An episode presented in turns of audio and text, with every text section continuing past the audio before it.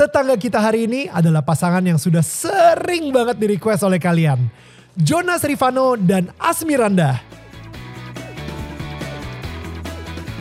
Ujian datang ketika mereka mulai serius menjalin cinta untuk menuju ke pelaminan. Cobaan demi cobaan terus datang. Bahkan tantangan tertinggi dialami ketika mereka menjadi pasangan suami istri baru. Setelah tujuh tahun mereka menutup diri, secara eksklusif mereka akan membagikan kisah kehebatan Tuhan bekerja di hidup mereka di tengah sulitnya badai yang mereka alami. Inilah kisah tetangga kita.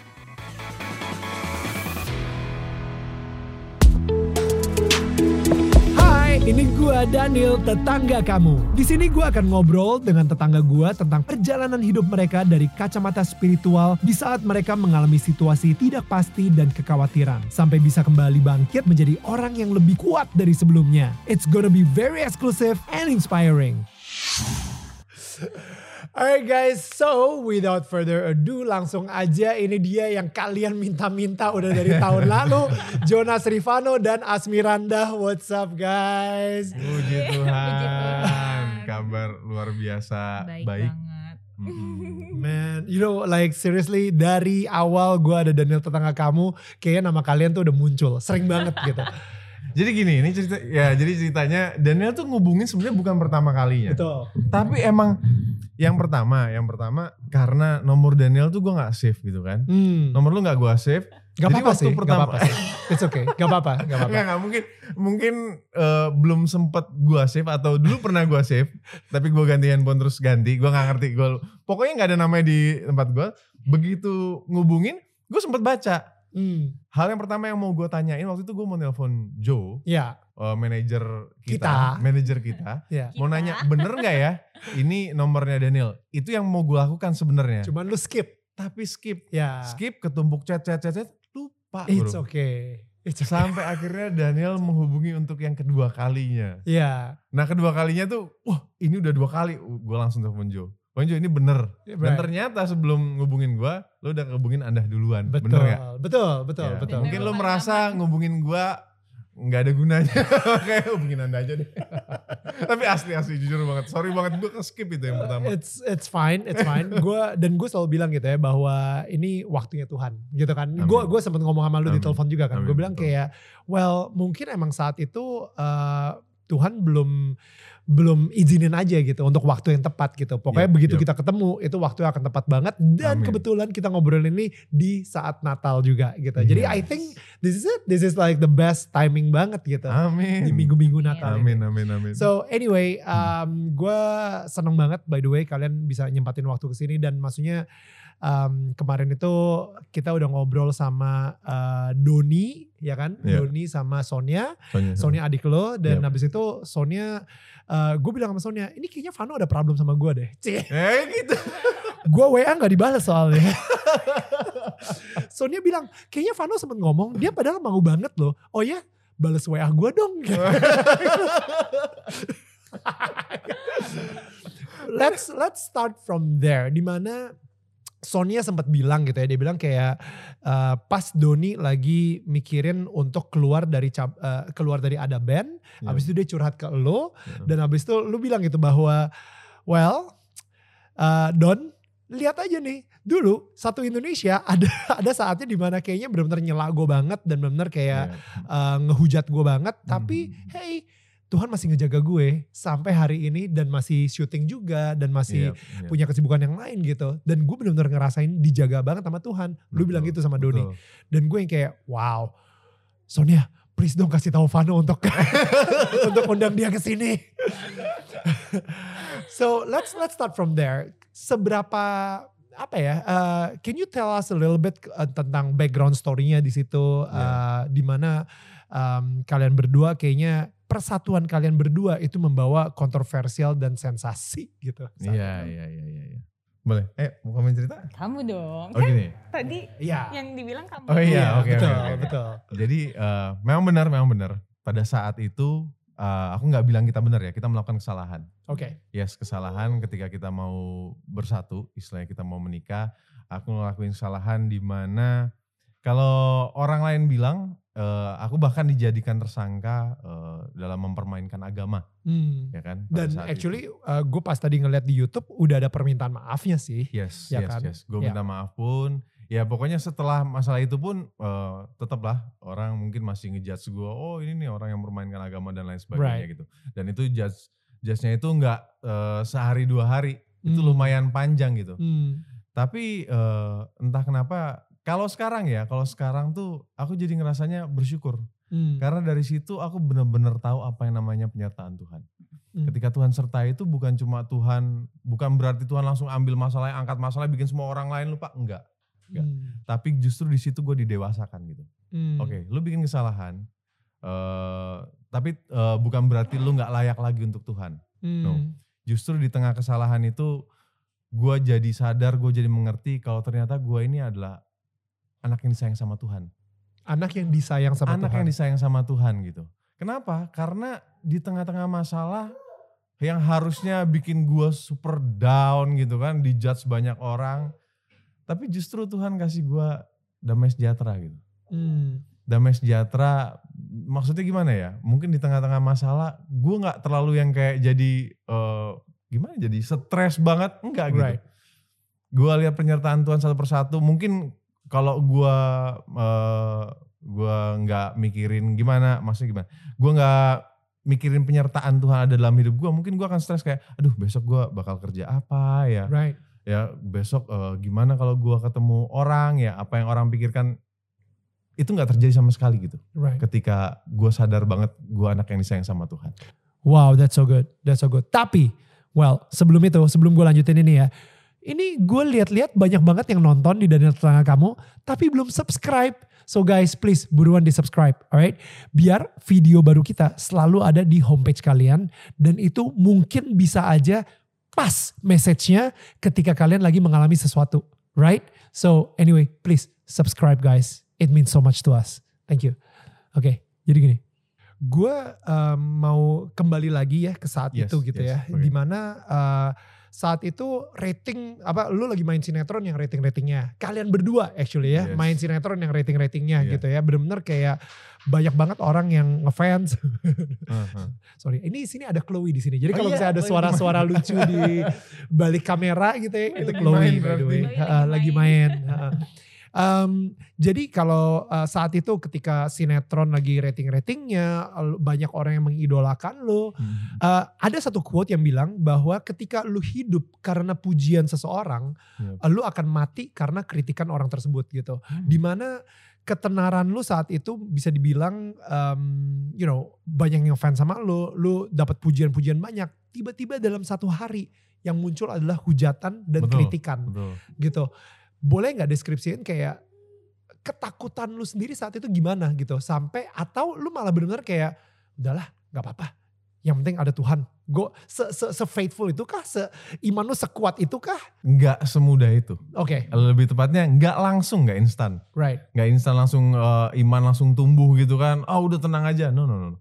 Sempet sempet ada rasa down juga gitu kan. Kenapa rasa down itu? Karena gue tahu gue melakukan kesalahan. Right Gue melakukan kesalahan, gue tahu. Dan pada saat itu gue mungkin belum mengerti kasih Tuhan yang sesungguhnya gitu. Gue ngerasa oke, gue bikin salah. Mungkin Tuhan marah sama gue pada saat itu ya. wow Gue berpikir kayak oke mungkin Tuhan marah sama gue.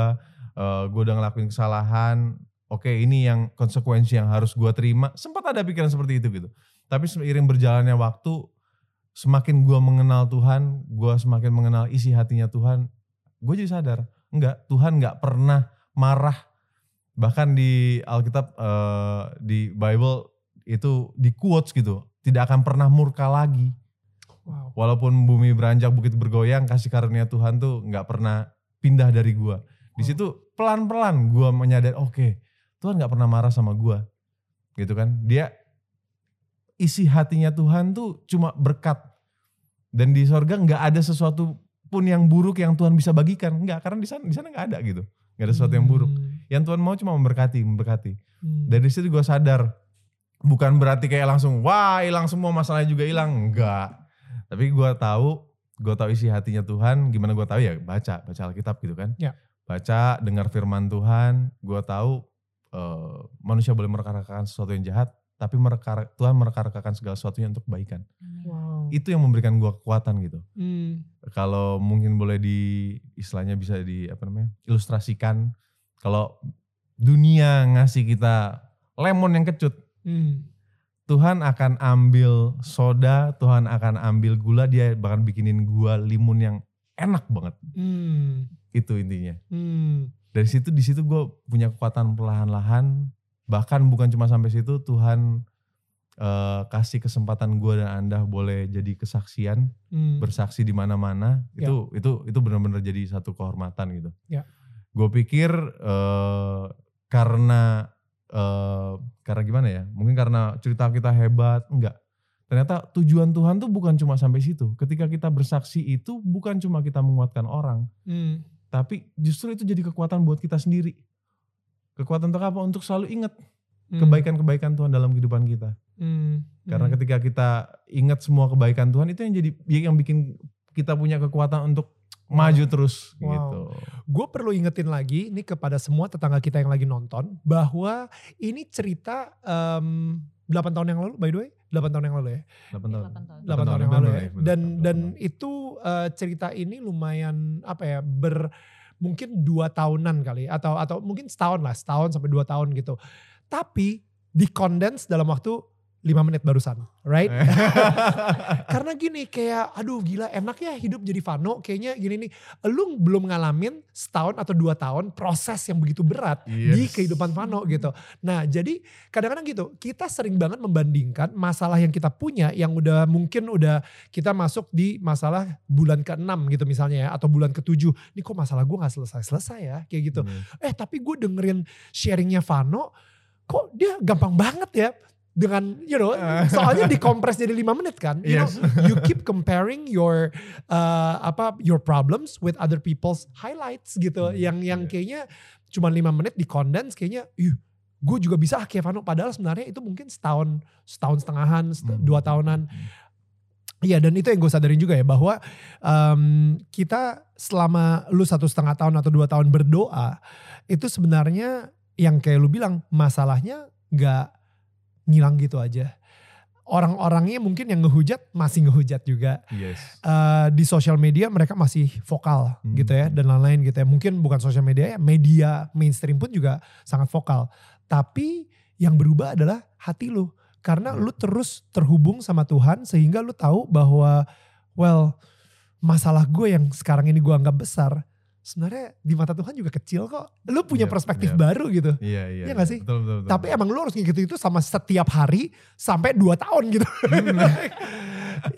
right. So what did you do selama satu setengah tahun sampai dua tahun gitu ya untuk supaya uh, you know pasti ada juga di otak lu yang kepikiran man gue sudahlah lupakanlah dunia entertainment gue nggak akan laku lagi um, apa orang-orang satu Indonesia akan ngehujat gue mungkin setelah gue nikah sama Asmiranda mungkin kita tinggal di Australia aja kali ya. Kita lari dari masalah ini supaya orang-orang nggak kenalin kita dan lain-lain. Kita mulai hidup baru dan lain-lain gitu. You know, like what makes you stay di sini dan dan bisa terus kuat gitu. Oke. Eh, sebenarnya ya kalau kita mau jujur, sempet kepikiran nggak lagi di dunia entertainment itu, ya sempet ada, jelas. Hmm. Aku sama anda sempet kepikiran, makanya kita berpikir apa ya, kita usaha apa ya, gitu kan. Hmm. Tapi eh, sering berjalannya waktu, justru selama hampir lima tahun itu apa yang Tuhan tuh mau tuh justru kita diminta untuk bersaksi dulu. Hmm. Kita bersaksi di mana-mana, kita diundang di mana-mana, membagi eh, istilahnya eh, berbagi kesaksian kita ke mana-mana. Dan itu benar-benar nggak kita rencanakan gitu, Hmm. nggak kita rencanakan, nggak juga kita eh, jadwalin buat oke, berarti kita stop lain-lainnya kita pelayan dulu aja, enggak. Kita berjalan, kita setiap kali diundang kita cuma bilang gini, eh ya namanya diundang, jadi ada dua pertanyaan, selalu ada dua pertanyaan kalau yang undang kita. Yang pertama, eh kalau ngundang Asmiranda sama Jonas itu PK-nya berapa? PK itu persembahan kasih Persembahan atau kasih. budget lah ya fee gitu ya. Yes, budgetnya Ah. berapa? Dan yang kedua, mau nggak ya Hmm. diundang ke daerah ini, daerah ini? Jawaban kita cuma satu. Eh, Oh, pertanyaannya dua tapi jawabannya satu. Lu- Iya. Luar biasa. Jadi kita eh, asalkan waktunya ada, maksudnya available waktunya, Ya, kita ya. pasti berangkat. Wow. Yang lainnya nggak usah dipikirin. Wow. Yes. Wow. Enggak, ini ini bukan berarti kita paling benar enggak, tapi emang itu yang Tuhan taruh dalam hati kita gitu. Wow. Kita kita percayanya kalau Tuhan mau berkati kita tuh di mana aja Hmm. dan bukan bukan di eh, bahkan bukan di gereja gitu ya. Kalau di gereja buat kita tempat kita bersaksi itu tempat kita untuk menabur, bukan tempat kita untuk menuai. Itu yang kita percaya. Hmm. Gitu. Hmm. Dan ya puji Tuhan memang entah kenapa ya yang undang kita nggak kayak nggak pernah bentrok. Ini waktunya setelah ini langsung berangkat ke sini, langsung berangkat ke sini. Jadi Hmm. jalan terus aja. Nah itu mengalir. Dan itu selama hampir lima tahun. Ya selama hampir lima tahun. Wow. Selama hampir lima tahun dan Iya. kayak like every day gitu. Everyday Ya. kesaksian terus Hampir, gitu. hampir Wow. hampir. Wow. Dan ketika ke- kita kembali pun ke dunia entertainment, kita nggak pernah bilang loh kita nggak akan kembali ke dunia entertainment gitu. Ketika kita kembali ke dunia entertainment, entah entah kenapa itu kayak semuanya udah diatur sama Tuhan. Saat itu kayak tiba-tiba lagi nggak ada jadwal buat pelayanan ke mana-mana, lagi kosong dan tiba-tiba eh, produser telepon, Pano Hmm. anda udah mau main apa enggak, udah mau main film, apa masih sinetron apa enggak? Hmm. Dan itu waktunya tepat. Jadi nggak pernah istilahnya kita gara-gara sinetron kita nolak-nolakin pelayanan, enggak. Hmm. Enggak juga gitu. Wah karena ada, wah sekarang bisa masuk sinetron nih. Ya udah deh, gak usah pelayanan lagi. Enggak Hmm. pernah, benar-benar Hmm. pernah. Semua waktunya itu Tuhan yang atur. Wow. Itu ya makanya eh, kita juga gimana ya? Kita bersyukur banget gitu. Kita amazed banget sama apa yang udah Tuhan Ya. lakuin sih dalam Ya. hidup kita.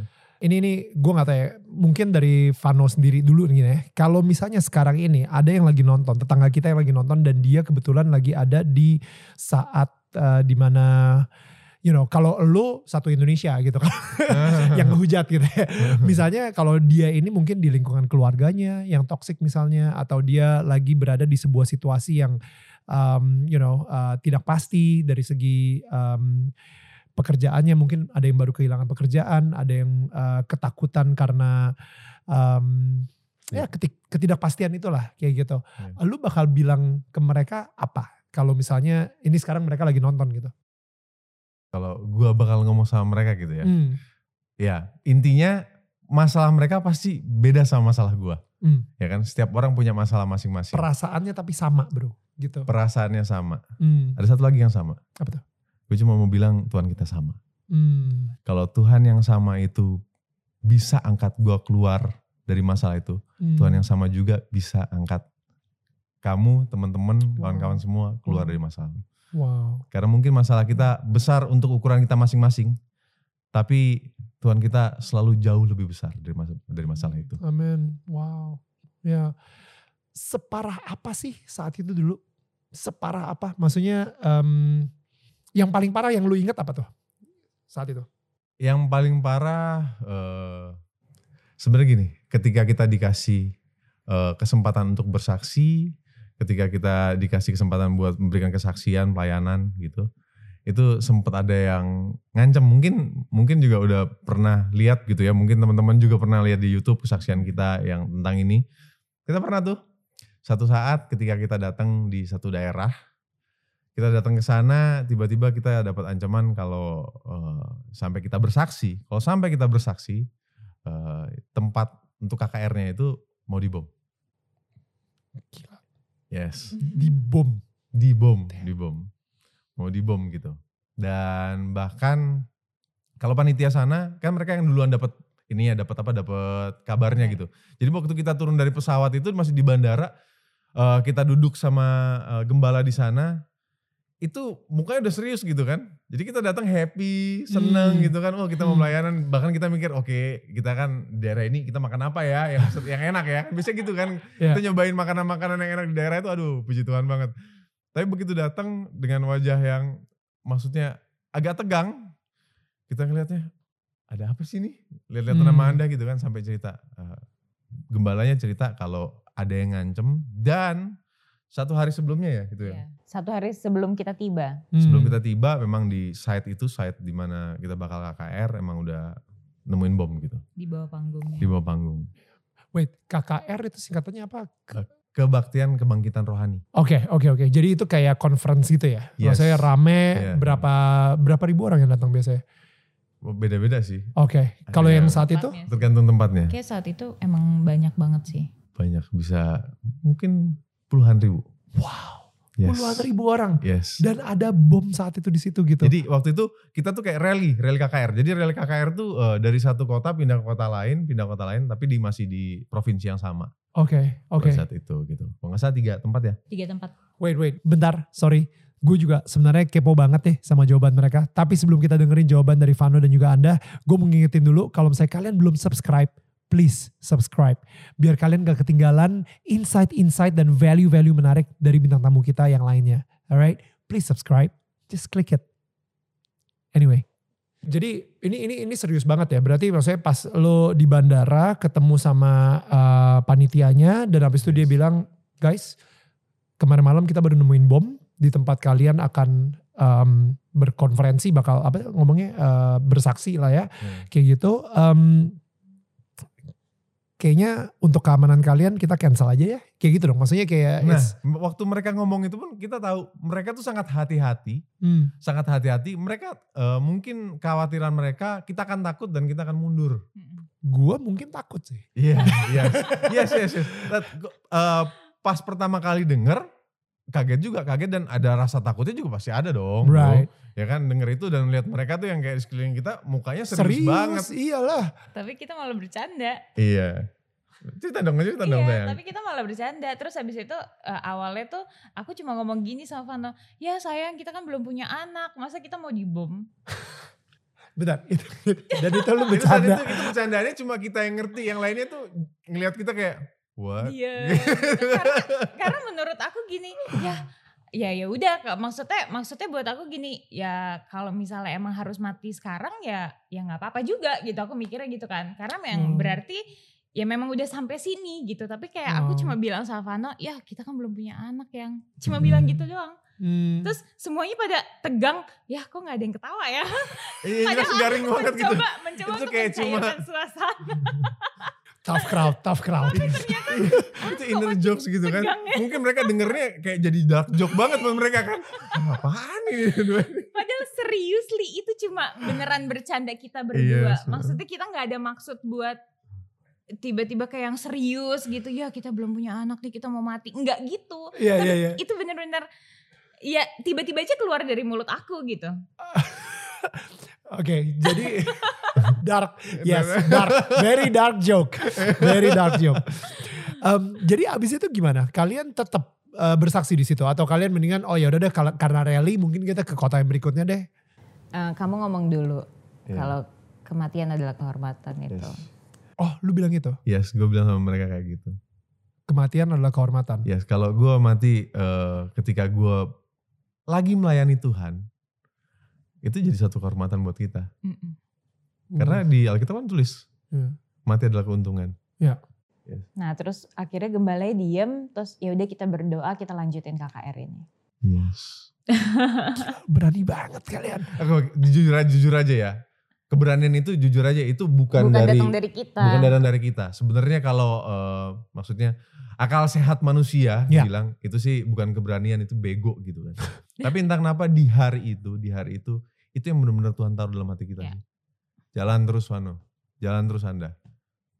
Yes, itu Dan itu lu sepercaya benar-benar. itu, maksudnya kayak ada ada ada suara Tuhan di hati lu jalan terus. Berarti ketika Tuhan udah bilang jalan terus, lu tahu lu akan dilindungi atau lu tahu apa pun resultnya, misalnya sampai beneran ada bomnya, ini bener-bener ya udah itu rencana Tuhan, gitu maksudnya. Eh, jadi ada satu prinsip yang sangat memberkati kita dan itu jadi prinsip kita juga. Oke. Kita cuma percaya orang yang main-main sama Tuhan, orang yang main-main sama hamba-hamba Tuhan, dan orang yang main sama kita anak-anak Tuhan, itu urusannya langsung, sama Langsung Tuhan. Tuhan.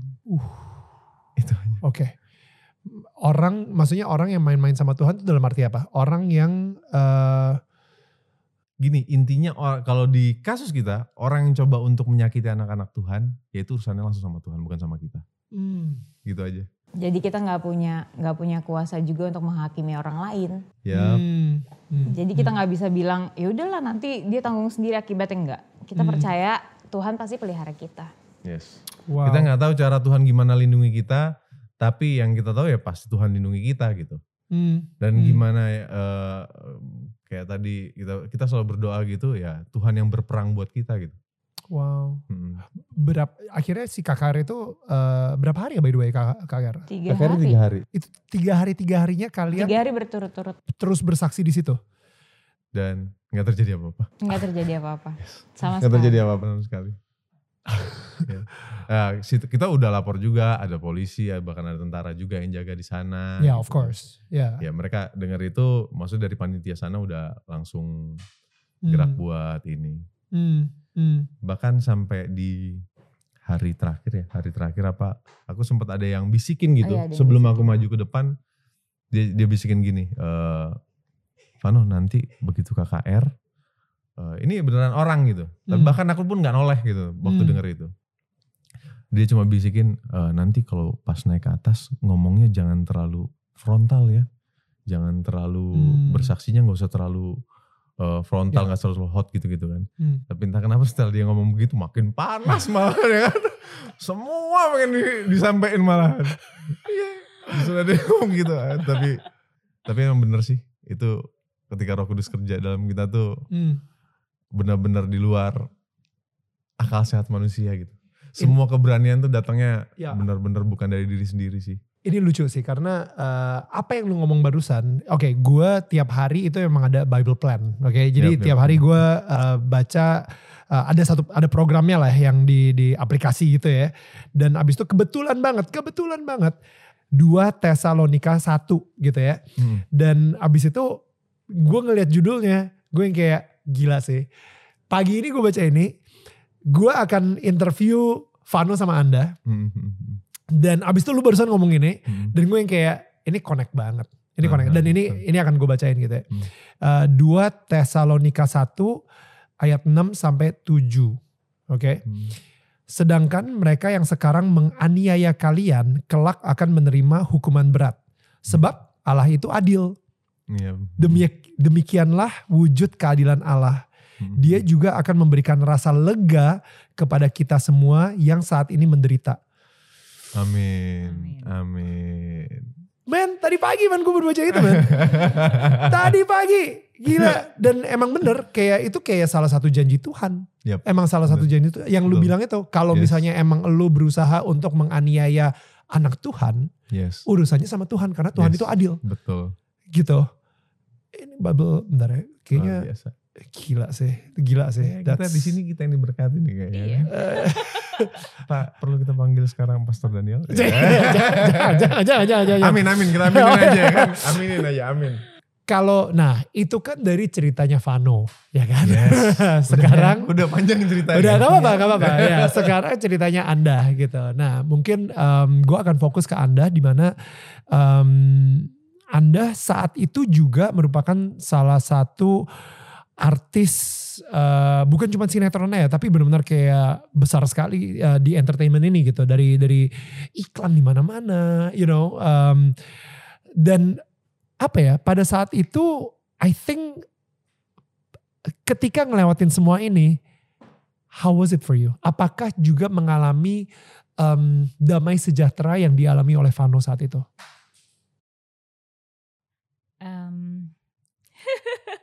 Ntar dulu. Kok agak tiba-tiba ke aku sih? nungguin ya, nungguin ya. gue sering banget ya ngelihat lu kesaksian, itu banyak kan lu diem aja gitu. Gue bilang kayaknya spotlightnya kali ini di Anda deh. Gue pengen Iya, kayak iya, fokusnya iya. di Anda deh. Enggak, karena gini. Karena Kalau dia selalu ngomong begini soalnya. Nanti sayang kamu aja yang ngomong. Gitu. enggak jujur, aku tuh aku tuh bukan bukan tipe orang yang bisa yang bisa speech kan, bukan Right. tipe orang yang bisa ngomong di depan banyak orang, apalagi pada saat itu mungkin orang-orang tahu eh, ini ini baru convert nih gitu. Hmm. Jadi kayak ngerasanya kita nungguin banget dia bicara gitu kan. Dan sedangkan aku tuh tipe orang yang aduh gimana ya kalau aku salah bicara. Hmm. Gimana kalau tiba-tiba aku aku nggak jago ngomong gitu. Hmm. Jadi aku takut ada kesalahan-kesalahan yang mal- malah nanti malah bikin orang jadi nggak nggak damai sejahtera dengernya gitu. gue denger kesaksian lu di mana-mana. Di mana lu ngomong bahwa eh, saya menjadi pengikut Kristus karena pilihan. Yes. Tapi karena Tuhan Yesus yang memilih saya gitu. Ya kan? Yohanes 15 ayat 16. Ceritain dong cerita pertama kali banget ketika Yesus menjamah hatinya Anda gitu dan menemukan dan memilih Anda untuk mengikuti dia? Ini kayaknya jawaban yang paling banyak ditunggu sama semua orang. Oh. Karena memang aku selama kesaksian, aku selalu nyebutnya ini tuh bukan kesaksian tapi sharing. Right. Sharing tentang kebaikan Tuhan dalam hidup aku. Dan aku memang selalu bilang emang bukan aku yang pilih Tuhan, tapi Tuhan Yesus yang pilih aku. Itu selalu aku kasih tahu setiap kali kita bersaksi di gereja di mana pun gitu. Betul. Karena menurut aku, aku nggak bisa bilang, eh, wah aku bertemu Tuhan begini begini begini. Aku nggak bisa bilang gitu karena aku nggak bisa ngasih tahu ke orang bagaimana eh, Tuhan tuh udah menjamah benar-benar hati aku. Roh Kudus yang ada di dalam diri aku tuh benar-benar ada gitu. Wow. Karena kenapa ya? Karena em, susah untuk dijelaskan Hmm. gimana gimana besarnya Tuhan dalam hidup aku, gimana Tuhan menjamah aku itu susah banget dikasih tahu ke orang. Hmm. Karena kayak ini tuh cuma aku yang ngerasain. Even Vano pun pasti nggak bisa ngerasain. Ya. Itu kayak rasanya tuh kayak apa ya? Mungkin kalau kalau kita sering sering dengar kalau em, bapak dan anak, Tuhan tuh benar-benar kayak bapak aku Hmm. kayak em, aku tuh kayak benar-benar bisa berdoa aku tuh bisa aku jadi nangis Gak apa-apa, gak apa-apa. Apa ya Gak apa-apa dong. bentar-bentar Biasanya kalau ya Iya. kalau Roh Kudus Iya, dia bisa. tar dulu tar dulu. Bisa, ditenangin dulu Iya, biar nggak terlalu Biar nggak terlalu lebay. Iya jadi kayak em, apa ya aku ngerasa em, sebenarnya sih ini tuh kayak lebih susah diungkapkan le- lebih susah diungkapkan karena nggak akan bisa ada orang yang ngerasain Ya. apa yang aku rasain gitu. Tapi aku yakin banget orang-orang yang em, dipilih sama Tuhan orang-orang yang benar-benar ngerasain kalau Tuhan tuh deket banget sama kita dia pasti ngerasain apa yang aku rasain mungkin Kak Daniel juga ngerasain, mungkin Ya. Vano juga ngerasain, tapi perasaannya tuh beda Hmm. gitu. Dan pada saat mungkin kayak apa ya, kayak em, orang-orang tuh ya pada saat aku memilih, padahal sebenarnya bisa dibilang em, aku memilih keyakinan aku itu adalah hak aku. Hmm. Dan saat itu usia aku udah lewat dari 17 tahun, Hmm. ya kan? Hmm. Dan itu memang hak aku untuk memilih dan nggak ada satupun orang yang seharusnya eh lo nggak boleh milih itu Hmm. atau gue ngelarang lu buat milih itu nggak ada Karena lu udah sebenarnya. menjadi orang dewasa. Yes. Ya. Dan aku tuh orang dewasa, aku udah lewat dari 17 tahun bahkan saat itu mungkin umur aku 23 atau 24 tahun gitu ya. Hmm. 23 tahun. Lebih dari sih. 21 tahun malahan. Ya. Yes, lebih dari 21 tahun. Dan em, pada saat aku memilih itu bener-bener ya mungkin orang ngelihatnya karena lo mau nikah sama Vano, Right. ya kan? Mungkin banyak lah yang kepikiran seperti Iya. itu. Hmm. Tapi dia nggak pernah ngebahas agama sama aku. Iya. Wow. Ini, ini sih gak pernah kita ceritain sama siapa. sama Ini nggak pernah kita ceritain Oh. ke maksudnya kesaksian juga nggak pernah kita ceritain. Karena menurut aku pilihan aku itu emang bener-bener dari hati aku yang paling dalam.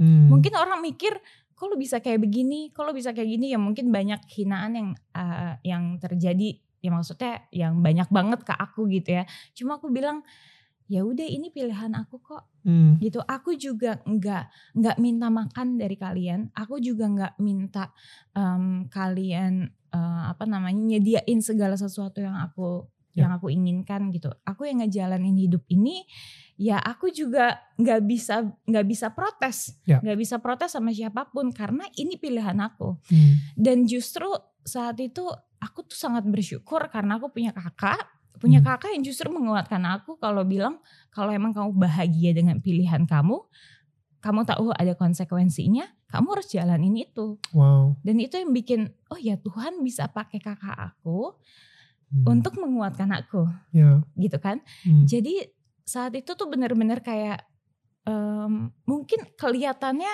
wah dia tuh jatuh banget ya dia Hmm. terkutuk banget ya. Tapi nggak saat itu. Mungkin Vano bisa ngerasain ya. Mungkin kayaknya aku yang paling paling tenang di setiap masalah yang terjadi. Yes. Actually di eh, gini, Anda eh, Anda justru di tengah-tengah masalah yang kita berdua hadapi, entah itu sebelum kita mulai pelayanan atau ketika kita pelayanan, kalau aku boleh bilang Anda justru yang paling lebih tenang sih. gue bisa uh, ngerasain sih ketika tadi dia ngeluarin dark joke ketika Iya mau dibom, iya iya iya iya. yang yang yang ngomong duluan ya mau dibom padahal belum punya anak itu ada duluan gitu like, se, se- setenang itu berarti maksudnya Iya. kayak lu d- ya how gitu ya Mau, mau nambahin? Enggak, enggak, enggak, tapi, gue cuma mau mm, bantu jelasin tadi. Eh, jadi apa yang anda rasain tuh dia mungkin nggak bisa jelaskan. Ya. Tapi setiap orang yang mungkin pernah merasakan pertemuan sama Tuhan Yesus sendiri gitu atau pernah di hatinya pernah dijamah sama Tuhan pasti mengerti apa yang anda rasakan Hmm. gitu. Dan memang setiap orang kan punya eh, istilahnya dijamah Tuhan dengan cara yang berbeda-beda gitu. emang susah ya ketika kita mau menjelaskan seberapa enak es krim sampai orang itu benar-benar menik berhasil Yes. you know Iya, makan iya, es krim iya. dan menikmati es krim gitu. Iya. Kayak gue mau bilang ini rasanya dingin-dingin di lidah. Yes. Di, yes. iya, tapi sampai dia benar-benar ngerasain dan menikmati perasaan tersebut, baru dia kayak bener loh es krim enak banget. you know Yes, like yes. emang oke gue ngerti Gue juga nggak bisa jelasin apa yang dia rasain, tapi yang gue Hmm. bisa jelasin seberapa yakinnya dia. Kenapa? Karena jujur aja ini belum pernah gue ceritain ke mana-mana, tapi ketika eh, anda dibaptis, itu gue nggak tahu dia minta. Dia minta duluan buat dibaptis. Gue sebelumnya ketika pacaran nggak pernah ngomongin soal keyakinan. Even gue nggak pernah setel lagu rohani, nggak pernah sama sekali. Jadi begitu kalian pacaran, anda masuk mobil langsung lu matiin lagu rohani ya gitu. Yes, ah, ya gue dulu nggak se religius itu ya. juga gitu ya, nggak terlalu. Masih ada Oke. bandel-bandelnya lah. Oke. Tapi asik, ketika dia minta untuk dibaptis itu gue nggak tahu. What? Jadi lu minta dibaptis sama siapa? Bukan gue gue pikir Vano yang ngatur Enggak. semuanya, No, yang no, ngurusin no, IO-nya segala kayak gitu. Gue Enggak. adalah orang yang sam- yang salah satu orang yang kaget juga ketika dia minta. gitu. What? Jadi pertemuan lu dengan Yesus itu kapan? Maksudnya pas sudah pacaran sama Vano obviously atau Em, rasanya sih sebenarnya bukan pas pacaran sama Vano ya. Maksudnya rasanya itu tuh kayak penasaran gitu-gitunya tuh ada dari sebelum pacaran sama Vano sebenarnya. oke. Karena memang eh, kalau bisa dibilang di dalam keluarga aku kan maksudnya bercampur. Iya. Bercampur gitu kan. Jadi ya aku kan ngelihat banyak keluarga juga, kemudian banyak teman-teman juga ya aku ngelihat dari situ. Maksudnya sebenarnya tuh ada kasih yang aku lihat tapi kasih itu masih diselimutin gitu. Aku belum tahu kasih ini siapa gitu. Sampai pada akhirnya kasih itu menunjukkan wujudnya yaitu Tuhan, Tuhan Yesus gitu kan. Hmm. Jadi pada saat akhirnya pacaran sama Vano, ya sebenarnya dia juga nggak pernah ngebahas, eh nanti kalau kita nikah kita gimana ya nikahnya gitu juga nggak pernah ngebahas sedikit pun. Cuma memang pada saat em, pada saat apa namanya, pada saat pacaran sama Vano tuh ya apa yang aku lihat di Vano itu kayaknya kok dia bisa ya maksudnya em, menjalankan kehidupannya tuh layaknya cowok yang aku pikir bandel em, apa namanya mungkin main cewek mungkin atau apa tapi kok dia kelihatannya kayak nggak begitu gitu Hmm. Bener gak sih Pep? Yes. Nggak, dia, Wow. dia tuh Oh, maksudnya sama gini maksudnya gini kan ganteng relatif bener nggak Hmm. terus banyak cowok ganteng tapi kayak yang ya udah pacarnya di mana-mana gitu ya cuma Right. yang ini kok kayaknya enggak gitu. Tapi Hmm. aku juga nggak tahu ya maksudnya apakah itu cuma pandangan aku doang atau enggak. Terus tiba-tiba di hari pertama kali, ini aku inget banget di hari pertama kali aku ketemu sama Vano. Waktu waktu itu kita syuting sinetron kita. Aku nggak kenal sama dia karena Hmm. aku ngerasa ini aku senior nih junior kan. Hmm, hmm. Nggak gitu sih, Anak bukan- baru, anak baru Bukan sinetron ya. itu sih cuma Ya, kayak makan di nasi kotak. Nggak, nggak kenal, nggak kenal Jonas Rivana siapa. Tapi begitu dia masuk, aku cuma bilang ini suami gue. What? Iya iya itu Yes. dia cerita dari Iya, aku selalu bilang kayak gitu. Terus dia kayak muncul di di pintu. Ini suami gue. Padahal saat itu juga aku jutek kok ngelihat dia. Karena aku sibuk, karena ngerjain kuliah atau apa. Iya, iya. Cuma aku ngelihat, kok ini ini orang tuh kayaknya bakal bakal jadi teman hidup aku. What? Jadi lu udah yakin banget aja saat itu? Yakin banget aja. Entah gimana nanti caranya. Gimana caranya kita nikah atau apa aku nggak tahu gitu ya. Cuma aku kayak yakin banget. Udah gitu pada saat aku yakin kemudian berjalannya waktu terus akhirnya kita main bareng waktu itu juga Vanu sebenarnya punya pacar Iya, dan kalian pacaran tuh sempat putus juga atau putus nyambung putus nyambung itu atau pacarnya benar-benar kayak cuma putus sekali sih. Oke, oke. karena emang kan gak disetujuin karena beda keyakinan Hmm. kemudian em, pada saat eh, emang ngejalanin sama Vano tuh kayak aku ngerasa pa- pada saat pacaran ya aku ngerasa bisa jadi diri aku sendiri gitu Hmm. Hmm, bisa jadi diri aku sendiri kayak aku nggak merasa harus membahagiakan orang gitu Hmm. tapi aku bisa jadi diri sendiri gitu dan aku happy dan pada saat itu setiap ngejalanin mungkin pada saat yang pertama masih biasa-biasa aja ya tapi pada saat kita putus kemudian kita nyambung lagi nah di situ tuh mulai ngerasa kayak dia tuh bisa ya maksudnya banyak hal-hal baik yang sebenarnya tuh aku belajar dari Vano Hmm. dari memaafkan apa segala macam gitu dan dari situlah aku sebenarnya baca Alkitab Tanpa sepengetahuan Vano. dia nggak Hmm, tahu Nggak tahu.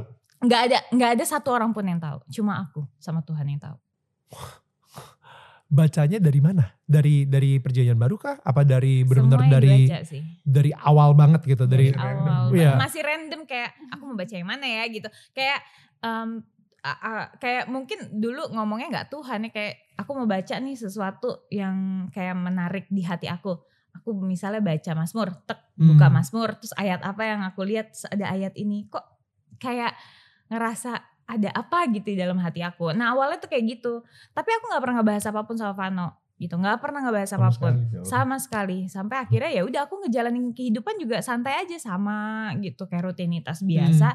Sampai akhirnya deng hari itu kok tiba-tiba aku pengen banget masuk gereja aku pengen beribadah aku pengen dibaptis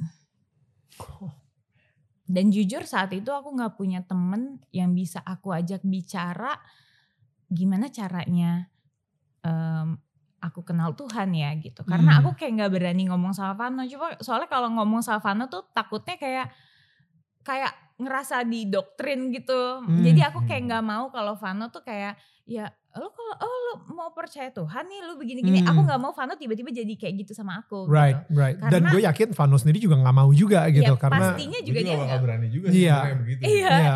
dan kayak eh, ya udah aku pokoknya pengen sendiri kalau sampai aku bilang gini kalau aku bener-bener yakin baru aku kasih tahu Vano dan gitu sampai aku bener-bener yakin di hari pembaptisannya baru nelfon Vano gitu atau Enggak, gimana? enggak, enggak. Akhirnya eh, dia ngasih tahu ketika mau mulai belajar dulu kan. Kan sebelum baptis kan harus benar-benar belajar gitu kan. Hmm. Baru dia kasih tahu.